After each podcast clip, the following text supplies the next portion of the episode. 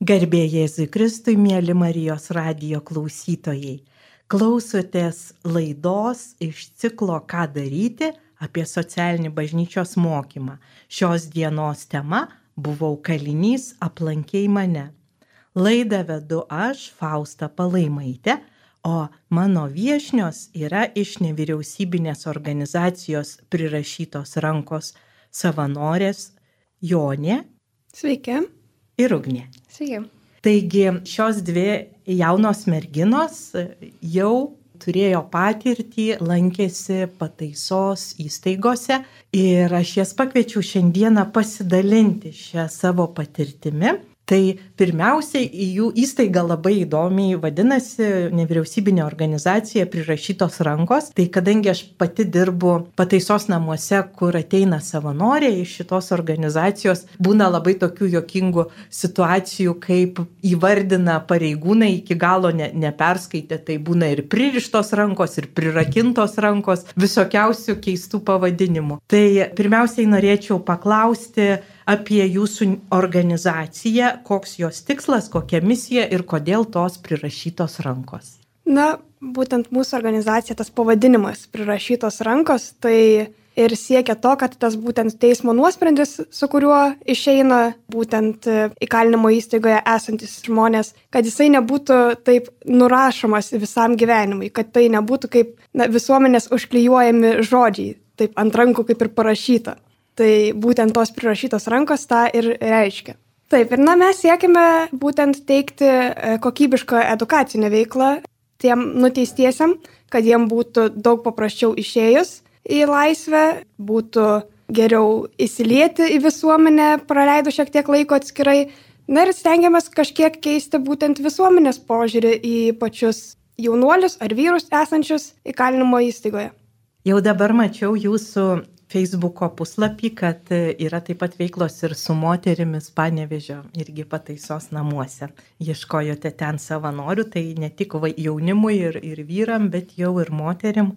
Šios organizacijos savanoriai turi pasiūlyti vairių tarnyščių pagalbų. Tai Jonė, kaip jūs atsidūrėte šitoj nevyriausybinėj organizacijoj.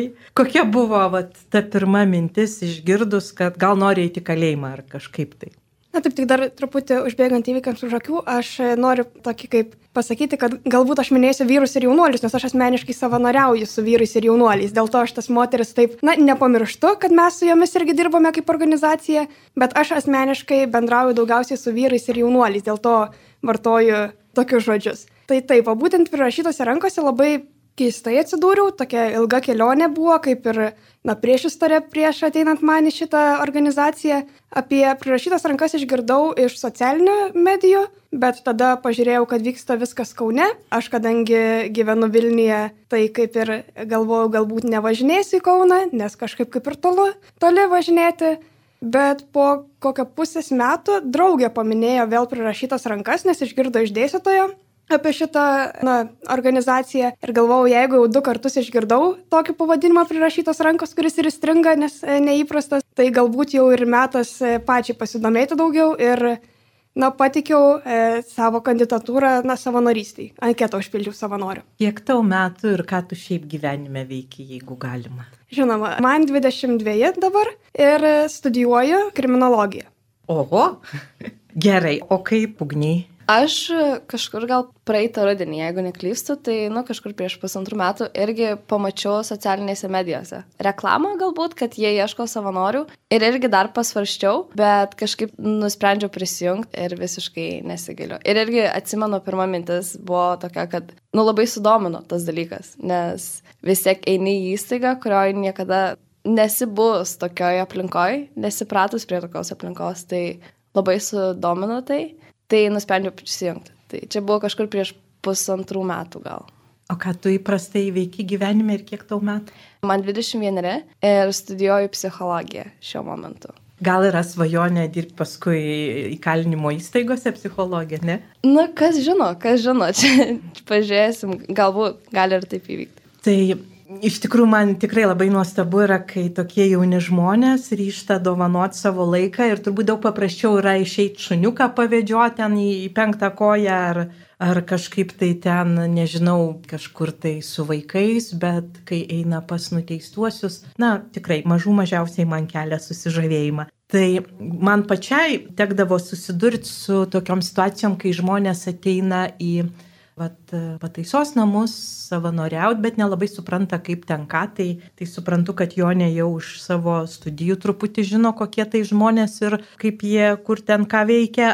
O šiaip jūs ar turėjot kažkokį tai pasirengimą, kaip ta nevyriausybinė organizacija jums padeda pasiruošti susitikimams, ar jūs pačios siūlot veiklas, kokias tas, vat, koks tas kelias yra iki įžengėti į įstaigą. Ar pirmą įžengė, tada ruošiatės? Na, jeigu iš psichologinio pasiruošimo, tai aišku, visi savanoriai turime e, mokymus apie manipulacijas, tai neiname taip tiesiog visiškai taip, kaip atėjome tenais. Tačiau tikrai e, būna tų nusistatymų. Aš asmeniškai stengiausi eiti į įstaigą pirmąjį kartą nieko negalvodama ir tiesiog, na, nesąmoningai stengiausi eiti atvira širdim ir tiesiog taip, kaip yra, pamatyti.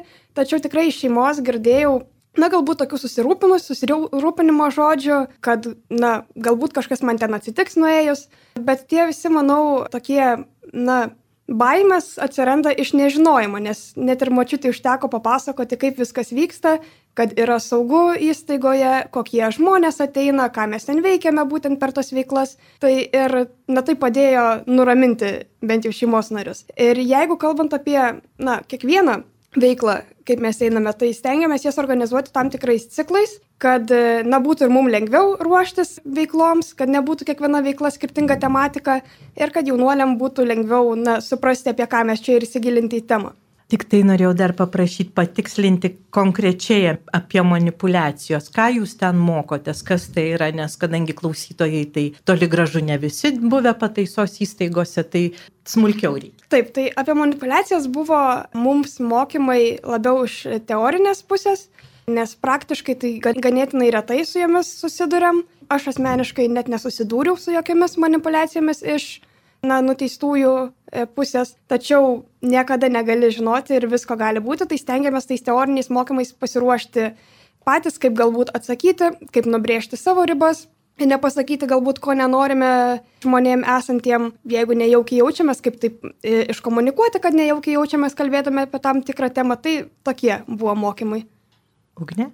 Taip, tai, nu, va dar ką pridurčiau, tai kad buvo mokymai apie manipulacijas, bet ir tiesiog visų apskritai mokymų metu savanorių labai buvo pabrėžiama ribų nusistatymas, pats bendravimas jaunuoliais. Tiesiog toks bendras suvokimas, kaip bendrauti, nebūtinai kaip bendrauti, bet tokias ribas nusibriežti aiškės. Tai žinoma, tokios žavios merginos ateina pas jaunuolius, ko gero ten reikia visokių ribų nubriežti ir iš visų pusių ir iš įstaigos taip pat, kad, kad kažkokie tai dalykai neimtų vykti netikėti, kur niekas nenorim jų. Dabar jau paminėjo truputį apie veiklas, tai norėčiau vėlgi labai detaliai, kad papasakotumėt irgi galbūt kažkas tai iš klausytojų visai norėtų apsilankyti vat, mūsų įstaigose ir neįsivaizduoja, o kągi ten galima daryti, vat, kokius susitikimus pačios esate vedusios, gal ugne šitą kartą norėčiau paprašyti pradėti. Tai mes rengiam įvairius susitikimus, kartais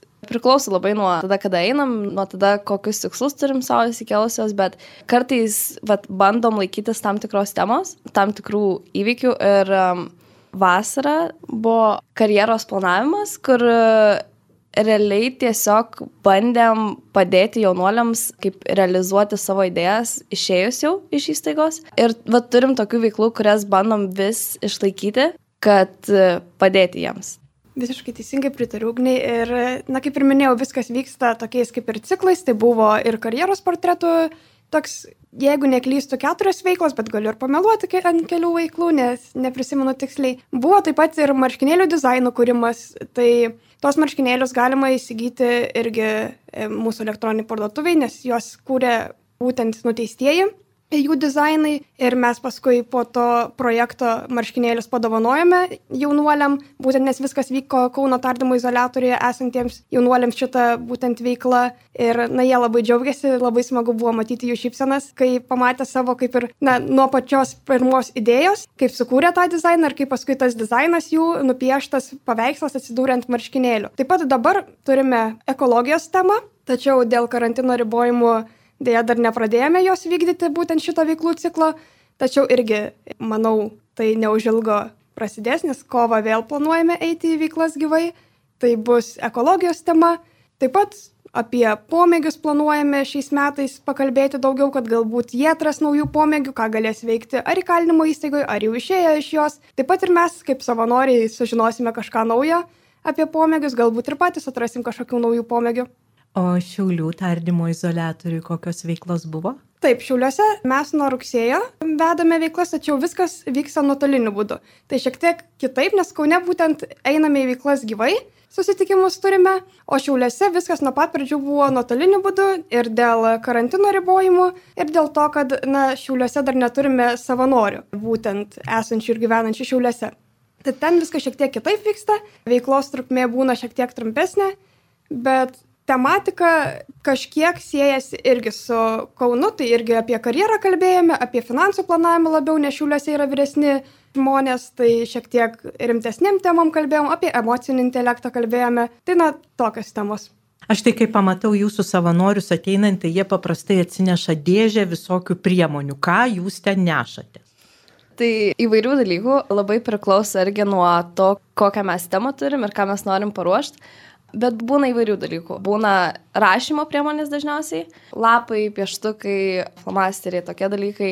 Būna lapeliai, kartais e, atsinešam veiklos planą, kad e, tiesiog gal pačios labiau, nu, kad pasižiūrėt, e, ką darysim, kokios veiklos eina po to. Būna įvertinimo lapeliai, patiems jaunuoliams pateikiami, kad jie po veiklos galėtų įvertinti visą veiklą, tai ką mes darėm, galėtų parašyti kažkokius atsiliepimus, kitai veiklai galbūt kažkokius lūkesčius, bet iš tų priemonių maždaug pagrindas toks būna. Ir kaip suprantu, jūsų užsiemimai nėra, kad vat atėjot, paskaitėt paskaitą ir baigta. Kaip ten, jeigu va tas planas visas? Ne, mes visada stengiamės pirmą tokį susipažinimo žaidimą turėti, nesvarbu, kad mes jaunų jaunuolius matome ne pirmą kartą, bet dažnai būna naujų savanorių, kartais ir nauji jaunuoliai prisijungia ar po ilgo laiko tarpo su masto ateiti į veiklą, tai stengiamės tokį susipažinimo žaidimą, na ir kad tiesiog apšilti ir susibendrauti vieniems su kitais. Paskui jau būna ta kaip ir pagrindinė veikla mūsų numatyta tai dienai, tai šiek tiek ir teorinės medžiagos kartais būna, jeigu tai to tema reikalauja, pasiruošėm kažką papasakoti, bet visada stengiamės tai įvilgti į kokius žaidimus. Ne tik pasakoti teoriškai, bet kiekvieną punktą pagrysti kokiais žaidimais ar na, interaktyvia veikla. Ir dažnai dar būna paskui vėl kažkoks žaidimas, na tai maždaug taip tarp dviejų žaidimų būna rimtesnė tema ir galiausiai įvertinimas. Kiek trunka užsiemimai? Užsiemimai būna įvairiai, bet maždaug nuo 2 iki 2,5 valandų, sakyčiau. Yra buvę, kad ir iki 3 valandų užsitęsia, bet maždaug 2-2,5. Bet neprailgsta. Tikrai ne, tikrai neprailgsta. Ir labai svarbu, vat, būtent tose užsiemimuose labai svarbu įsitraukimas jų. Tai mes visas veiklas, kurias organizuojame, labai orientuojamės į tai, kad įsitrauktų vaikinai. Skamba nuostabiai, žinokit, jei būčiau nuteistoji, iš karto eičiau nie negalvojus pas jūs. Tai kadangi jūs klausėt dalyvių savo mokymų, užsiemimų, kaip jų ten tos refleksijos, o jūs pačios darot refleksijas, kas jūs motivuoja labiausiai toliau tęsti, kokias turit vat įžvalgas, kad ar, ar tai naudinga matot, ar jums gerai, ar jiem gerai, ar visiems gerai. Kaip, kaip vat iš vidaus atrodo tas ėjimas, nes man atrodo, mano patirtis, aišku, irgi yra pirmiausiai kaip savanorės, bet va, tas pirmas, kai nuėjau ir buvo labai neaišku viskas. Aš buvau pas vyrus Marijampolės pataisos namuose.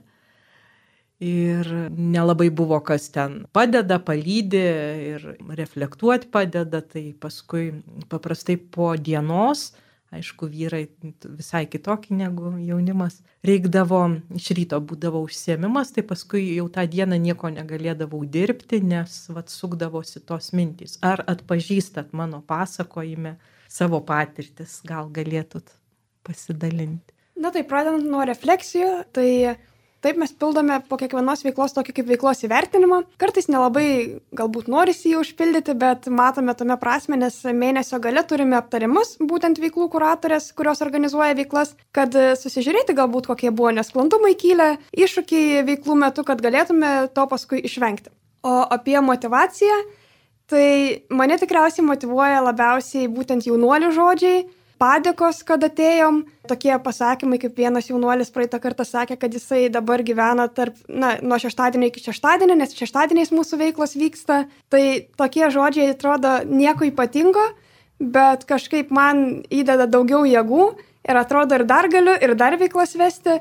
Bet taip, kaip ir minėjote, po veiklos būtent, nes mes šeštadieniais vedame, baigiame veiklą, na, taip po vakarį, tai kažkaip labai rimtų veiklų nebesinori jau veikti, nes vis tiek tų emocijų daug, galbūt ne tai, kad iš blogosios pusės, bet iš gerosios emocijų dažnai būna irgi daug. Ir aš tai dažniausiai po veiklų tiesiog draugiam pasakoju apie veiklą, kaip viskas buvo, nes reikia tiesiog išsikalbėti, kartais šeimai paskambinu ir papasakoju. Na ir kai išsikalbu, tada vėl galiu kažką toliau daryti. Aš kaip ir tai galiu pritarti Joriai ir irgi būna, kad kai šeštadieniais vyksta po pietų, būna prieš veiklą visokių emocijų, kartais ir pavargęs jautiesi ir bent jau man asmeniškai kartais net paskaitos būdavo šeštadieniais, kadangi aš studijuoju ir ten būdavo kas antrą šeštadienį ir būna prieš einant visokių emocijų, bet kažkaip po veiklų labai labai tokia motivacija užkyla ir kažkaip nežinai net ką daryti su to po to. Labai tie vaikinai, bent jau man asmeniškai, net nebūtinai ką jie sako, bet tiesiog man laikas su jais labai užmotivuoja ir net niekada nesinori nei jų palikti ir laukia tada kito šeštadienio ir kažkaip jo po to veiklų, kaip Jorai sakė, tiesiog reflektuoji, galvoji apie tai. Ar jūs kiekvieną šeštadienį važiuojat pas juos? Taip, dabar bandom kiekvieną šeštadienį, anksčiau dar būdavo, kad eidom kas antrą, dabar bandom kiekvieną. Tik šiuo metu negalim to padaryti dėl, dėl situacijos, bet bandom kiekvieną.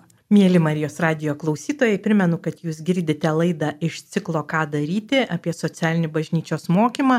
Šios dienos tema buvau kalinys aplankiai mane ir laidoje kalbinu pataisos namų savanorės Jonė ir Ugnė iš nevyriausybinės organizacijos prirašytos rankos girdėdama ir matydama jūs, ko negali matyti Marijos radio klausytojai, tai jeigu pakviestumėte, eičiau bet kur su jum, nes atrodo, kad jums tai patinka, kad tiesiog Na, kaip pramoga kokia. Man dar toks yra labai svarbus klausimas, kodėl manot, kad svarbu lankyti nuteistuosius? Kodėl jums taip atrodo?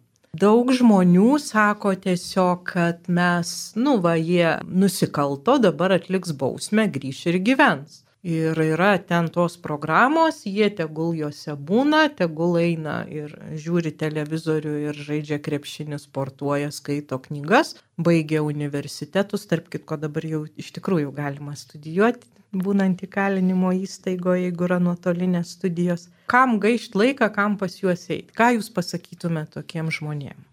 Tai čia toks rimtesnis klausimas, tai šiek tiek reikėtų pagalvoti, bet manau pirmiausia būtų tas pats bendravimas, nes taip pat e, lygiai taip pat kaip jiem yra svarbu bendravimas, taip pat ir mums savanoriams yra svarbus bendravimas. Tai aš bent jau matau tame labai didelę prasme, tiesiog nueiti su jais, pabendrauti, tai būtų tikriausiai pirminis toks, na, man asmeniškai kaip ir, na, siekis. Paskui mes, aišku, stengiamės tokiam temomis e, kalbėti su jais ir veiklas vesti, kurie galbūt jie nes, jų nelabai pažįsta tų temų, nelabai žino, nelabai susipažįsta galbūt mokykloje. E, na, pavyzdžiui, kad ir ta pati ekologijos tema, jinai galbūt jiems kažkiek girdėta, bet kažkiek neįprasta. Tai stengiamės, na, tokia kaip ir kokybišką edukaciją teikti iš dalies. Ir tos veiklos, na, kad būtų ir interaktyvos, ir juos įtrauktų, taip pat ir būtų tas bendravimas, bet ir kažką sužinotų jų metu. Tai Ugne, galbūt kažką pridursi? Ką pridurčiau gal, tai tiesiog, kad manau, kad labai svarbu yra mažinti tą atskirtį galbūt. Uh, kai kalbant apie nuteistosius ir įsivaizduojant, vat, nes yra labai nu, visuomeniai natūralu tiesiog, nes kažkas labai nepažįstamo, kažkas labai tolimo ir jie labai jaučia tai, labai jaučia atskirtį nuo visuomenės ir jie labai turi daug nerimo tikriausiai, kaip būti ta visuomenės dalim, jau kai jie išeis, arba netgi šiuo metu Tai manau, labai svarbu jam yra pamatyti tai, kad tiesiog yra žmonių, kurie nori padėti jam ir priima juos kaip dalį visuomenės. Dar norėjau paklausti, gal atsimenat kokį tokį nuotykį ar tokių patirčių, kur jūs tiesiog, kaip aš vadinu, tokių šviesos bliksnių, tai Jorė jau sakė, kad vaikinas, kuris sako, kad gyvena nuo šeštadienio iki šeštadienio, galėčiau kokią savo papasakoti. Pavyzdžiui, vienas vaikinas ateina pas mane į koplyčią, mes kalbamės apie Evangeliją, kalbamės įvairiom temom ir kadangi tema yra apie meilę, kad čia Dievas myli ir aš jo klausiau, tu kaip tu supranti, kas tai yra meilė. Ir jisai žiūri mane taip tokiu ramiu žvilgsniu ir sako, nu, žinokit, aš nelabai galiu pasakyti, iš tikrųjų tai nežinau, nes m, tą vaikiną tėvai atidavė į globėjam iš karto vos gimusi ir jisai keliavo iš namų į namus, kol būdavo patogu gauti išmokas už globą ir, žodžiu, vienintelis žmogus, kuris žino, kad jį mylėjo, yra miręs, pirmasis globėjas.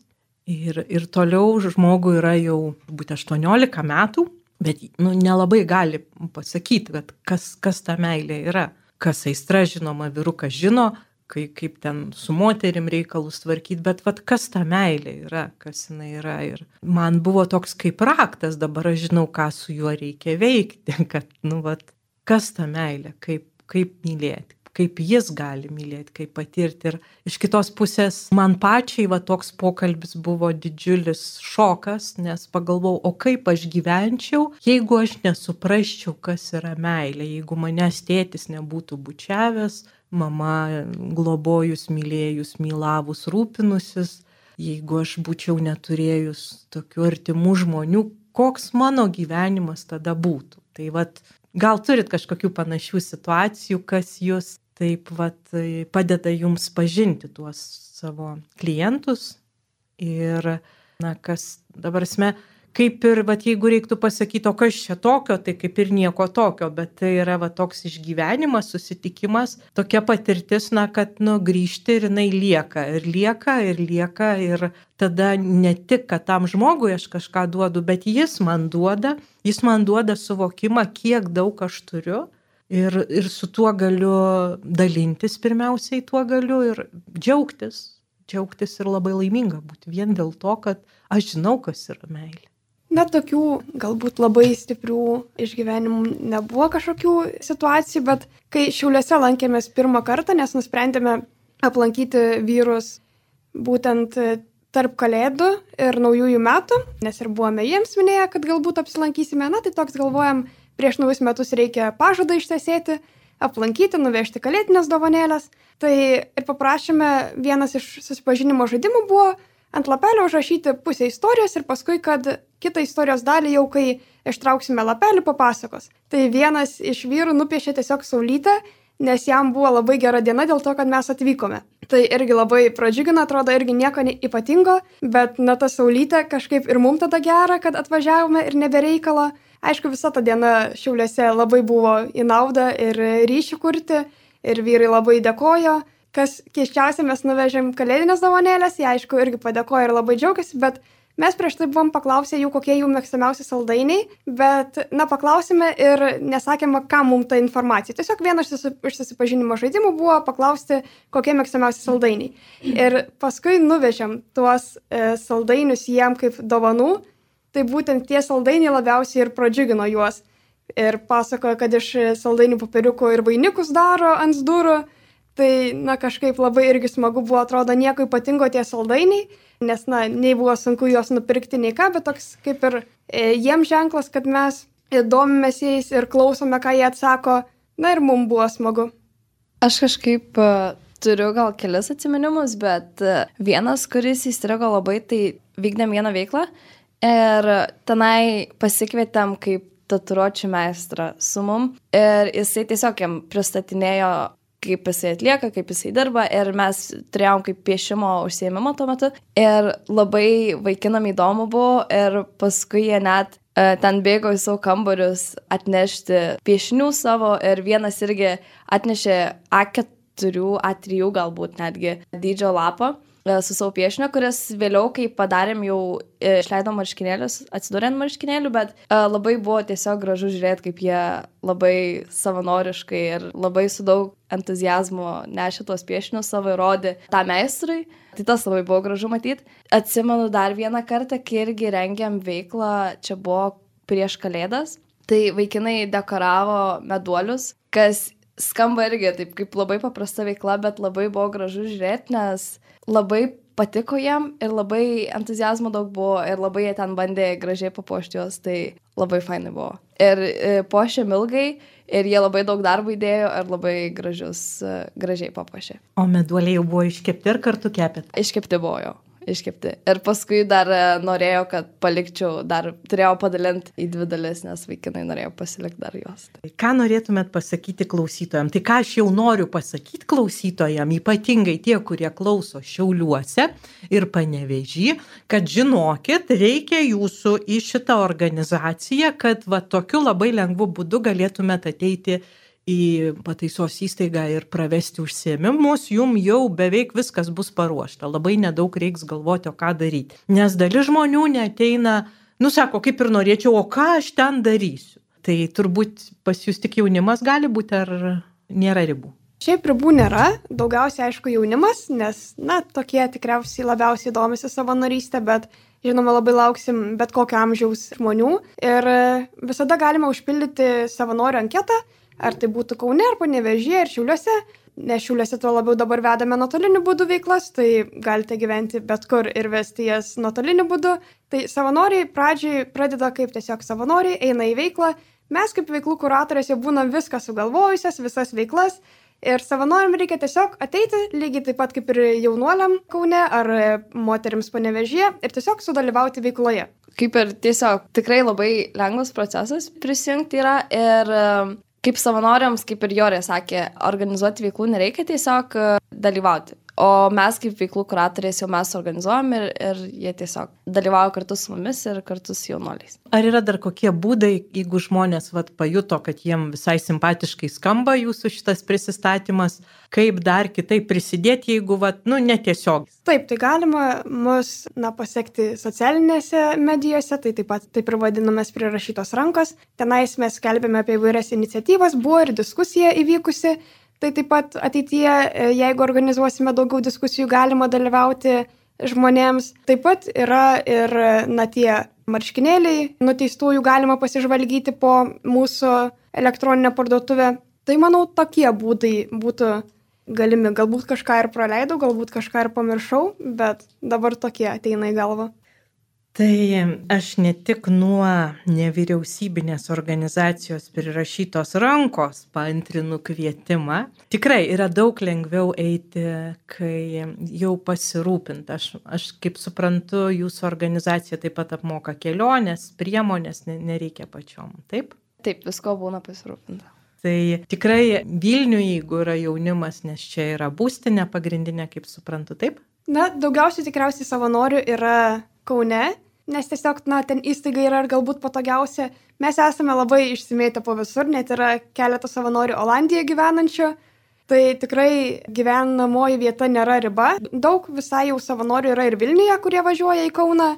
Tai kartu važiuojame tada ir daug smagiau važiuoti kartu. Taip pat ir Kaune, na ir, ir aišku, panevežėjai yra visur.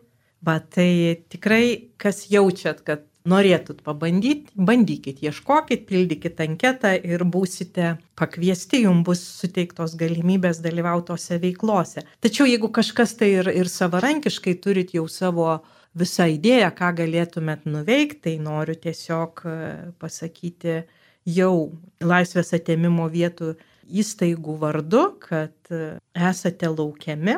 Yra toks kvietimas kalėjimų departamento puslapyje kaldep.lt ten galite rasti savanoriam visą informaciją, kur kreipiamasi į žmonės, netgi norėčiau paskaityti tą kreipimosi ištrauką teksto. Nubaudimas laisvės atimimu pats savaime nepadaro žmogaus geresniu.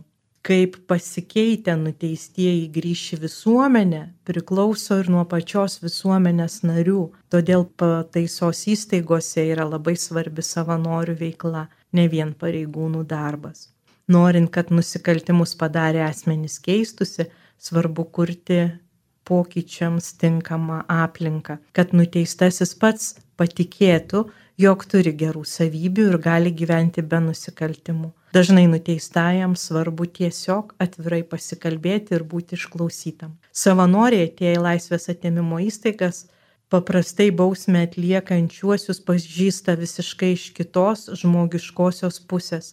Neretas savanoris po apsilankimo pataisos įstaigose patvirtina, kad tokie pat žmonės kaip ir mes visi. Kai kurie iš jų nusikaltę ir čia patekę nesąmoningai dėl šeimoje negautų socialinių įgūdžių, skurdo, priklausomybių. Pataisos įstaigos kviečia žmonės, galinčius būti savanoriais, kreiptis į bet kurią laisvės atėmimo įstaigą, kurios yra Vilniuje, Kaune, Marijampolėje, Lytuje, Pravieniškėse, Panevežyje, Šiauliuose. Pataisos namuose jau yra paskirti už savanorių veiklą atsakingi darbuotojai, jų kontaktus rasite minėtų adresų ir savanoriškos veiklos formos gali būti įvairios. Savanoriai gali pasiūlyti pasidalinti profesiniais įgūdžiais arba konsultacijomis, savo pomėgiais, pavyzdžiui, kokia nors meninė, sportinė ar kita veikla ypatingas savanorių poreikis, kurie būtų kompetitingi organizuoti ir vykdyti įvairias veiklas su vyresnio amžiaus bei fizinė ir psichinė negalę turinčiais asmenimis. Taip pat būtų labai naudinga, jei atsirastų norinčių ir galinčių teikti profesionalią psichologinę teisę, finansinio raštingumo įgūdžių stiprinimo ar profesinio orientavimo pagalba. Tai toks kvietimas yra kalėjimų departamento puslapyje, kreipiantis į visus žmonės. Linkiu išgirsti, pajusti savo viduje, kad galbūt galit prisidėti. Žinoma, yra daugybė visokių būdų savanoriauti, lygiai taip ir Marijos radijui, ir savo bažnytinėse bendruomenėse, visur kitur. Tačiau, kai aš organizavau pirmą savanorių į pataisos namus grupę, tai buvo jaunuoliai, baigė alfa kursą ir dar baigė beta kursą, kur jiem jau pasidarė ankštą nuobodoką bažnytiniai bendruomeniai. Ir tikrai jų brandai, jų augimui turėjo labai stiprią įtaką ta patirtis, tie susitikimai su vyrais nuteistais iki gyvos galvos, kur jie patys jau vedė alfa kursą jiems. Tai, tai tikrai yra tokių gražių dalykų, kuriuos galima dalintis vieniems su kitais. Merginos, dar norėčiau jūsų paklausti tokį, nežinau, gal netikėtą klausimą. Kokia jūsų vat, gyvenimo vizija? Kas jums iš viso yra savanorystė? Ir jo, ne kaip suprantu, paskui sodinsi kalėjimą žmonės, ar, ar ką darysi? Na, tikiuosi, neteks sodinti kalėjimą žmonių, bet Na, man bent jau prirašytos rankos, kaip ir iš dalies yra iš vienos pusės net tų pačių studijų įgalinimas ir pamatymas, ką aš studijuoju ir tų žinių, kurias įgaunu paskaitų metu iš dalies pritaikymas ir kaip ir, na, aš tai traktuoju kaip ir iš dalies praktika. Iš kitos pusės, tai ne vien tik praktika, tai kaip ir man, na, iš vienos pusės ir laisvalaikio praleidimo laikas. Ir dabar jau tapo labai svarbi gyvenimo dalis ir tikrai be prirašytų rankų jau neįsivaizduoju savo kasdienybės, nes net kasdien stengiuosi kažką padaryti ir prisidėti prie mūsų organizacijos veiklos. Tai man savanorystė yra, na tai tiesiog jau dabar tapo kaip ir iš dalies net ir gyvenimo būdu, nes ir net ir studijuojant ir dirbant, aš ir bendradarbėm ir kursiokam pasakoju apie tai, ką darau ir stengiuosi kitus irgi sudominti ir užvesti. O tai kokia svajonė yra tyrėja, advokatė, prokurorė? Tikriausiai psichologija, tikiuosi nepasikeis niekas. Tai ateitie dar planuoju baigti psichologijos studijas. Tai galutinis variantas mano dabar e, numatomas tai psichologija. Galbūt tai keisis, galbūt, e, na, pasavanoriavus norėsiu kažką kitą veikti, bet kol kas taip. O kaip ugniai? Taip, tai man irgi šita veikla šiek tiek yra susijusi su studijom ir irgi tokia šiokia praktika ir apskritai mano gyvenime labai daug sukasi apie bendravimą su žmonėm, tiek ir darbo srity, ir gyvenimo srity, ir mokslo srity, tai šita savanorystė kaip vienas iš šitų dalykų, bet kaip ir Jorė sakė, man irgi patapo jau kaip didelė dalis gyvenimo, nes jau vis tiek savanoriauju apie pusantrų metų. Nuo šių metų tapau kuratorę, tai mes ir veiklas organizuojam, ir turim susitikimus kas mėnesį ir, ir metinius. Tai ir labai daug laiko įeina į veiklų organizavimą ir pačių veiklų atlikimą, tai kartais būna, kad tiesiog tavo mintys sukasi vien, vien apie tą savanorystę ir taip pat ir užsėmimų pačiu metu labai paskui palieka tokį ilgai galvoju paskui apie tai, labai užmotivuoja, tai nežinau, didelę dalį labai gyvenimo kaip savanorystė užima ir kuo labai džiugiuosi aš. Ir kaip Jorė sakė, irgi pasakoju visiems draugam šeimai, kas jiem irgi buvo nauja iš pradžių šeimai tai dabar kažkaip jau susitaikė su tuo ir labai palaiko. Tai labai smagu. O iš pradžių protestavo? Nesakyčiau, kad gal protestavo, bet jiem tikriausiai irgi buvo naujas dalykas. Kaip ir visiems, manau, kaip ir suprantama, natūralu, nes vis tiek labai nepažįstama aplinka. Tai jiem tiesiog gal buvo labiau smalsu, įdomu, kaip viskas bus. Man atrodo, kad savanorystė, kai kažkur įsijungi, na, nu jos skirtingos yra. Būtų visai kas kita, jeigu jūs ten dvi valandas eitume dėžių nešioti ar kažko, tai nereiktų galvoti visą laiką ir nieko bendro neturėtų su visų kitų gyvenimo, bet kai kai yra susitikimai su žmonėm, tada viską galvoji, ką matai, ką girdi, ką galiu nunešti vaikinam. Iš to, ką sutikau, pamačiau, koks geras filmas tiko, kokia idėja iš kažkur, tiesiog toks galvojimas pasidaro. Ir kitas dalykas, tuos dalykus, kuriuos išgyvename su nuteistaisiais, o kaip visuomeniai. Kaip e, Jonė pastebėjo, kad jiems ne visos temos yra esančios, tiesiog daug dalykų jiems tiesiog nėra ir kadangi aš pati organizuoju savanorius sielovados rytyje, labai prašau, kad būtų teminiai užsiemimai, ką vaikinai tikrai labai moka, jie moka sportuoti, jiems smagu sportuoti, bet kai vos prasideda kažkokie teminiai ar apie bendravimą arba jausmų reiškimą, apie kažkokių įsitikinimų, vizijų kūrimą, tai būna tiesiog, na, tuščia vieta, gana daug streso išgyvena, kai reikia su bendramžiais atlikti kažkokią tokią užduotį ir tai man irgi atrodo labai prasminga. Na, mūsų laikas jau ir baigėsi. Primenu, kad jūs klausėtės Marijos radio laidos iš ciklo Ką daryti apie socialinį bažnyčios mokymą. Šios dienos tema buvo Buvau kalinys aplankiai mane, o laidoje kalbinau pataisos namų savanorės Jonė ir Ugnė iš nevyriausybinės organizacijos prirašytos rankos. Dėkoju, mėly radio klausytojai, kad klausotės laidų, kad melžiatės, kad mus remiate. Laidą vedė Fausta Palaimaitė. Likite su mumis sudie.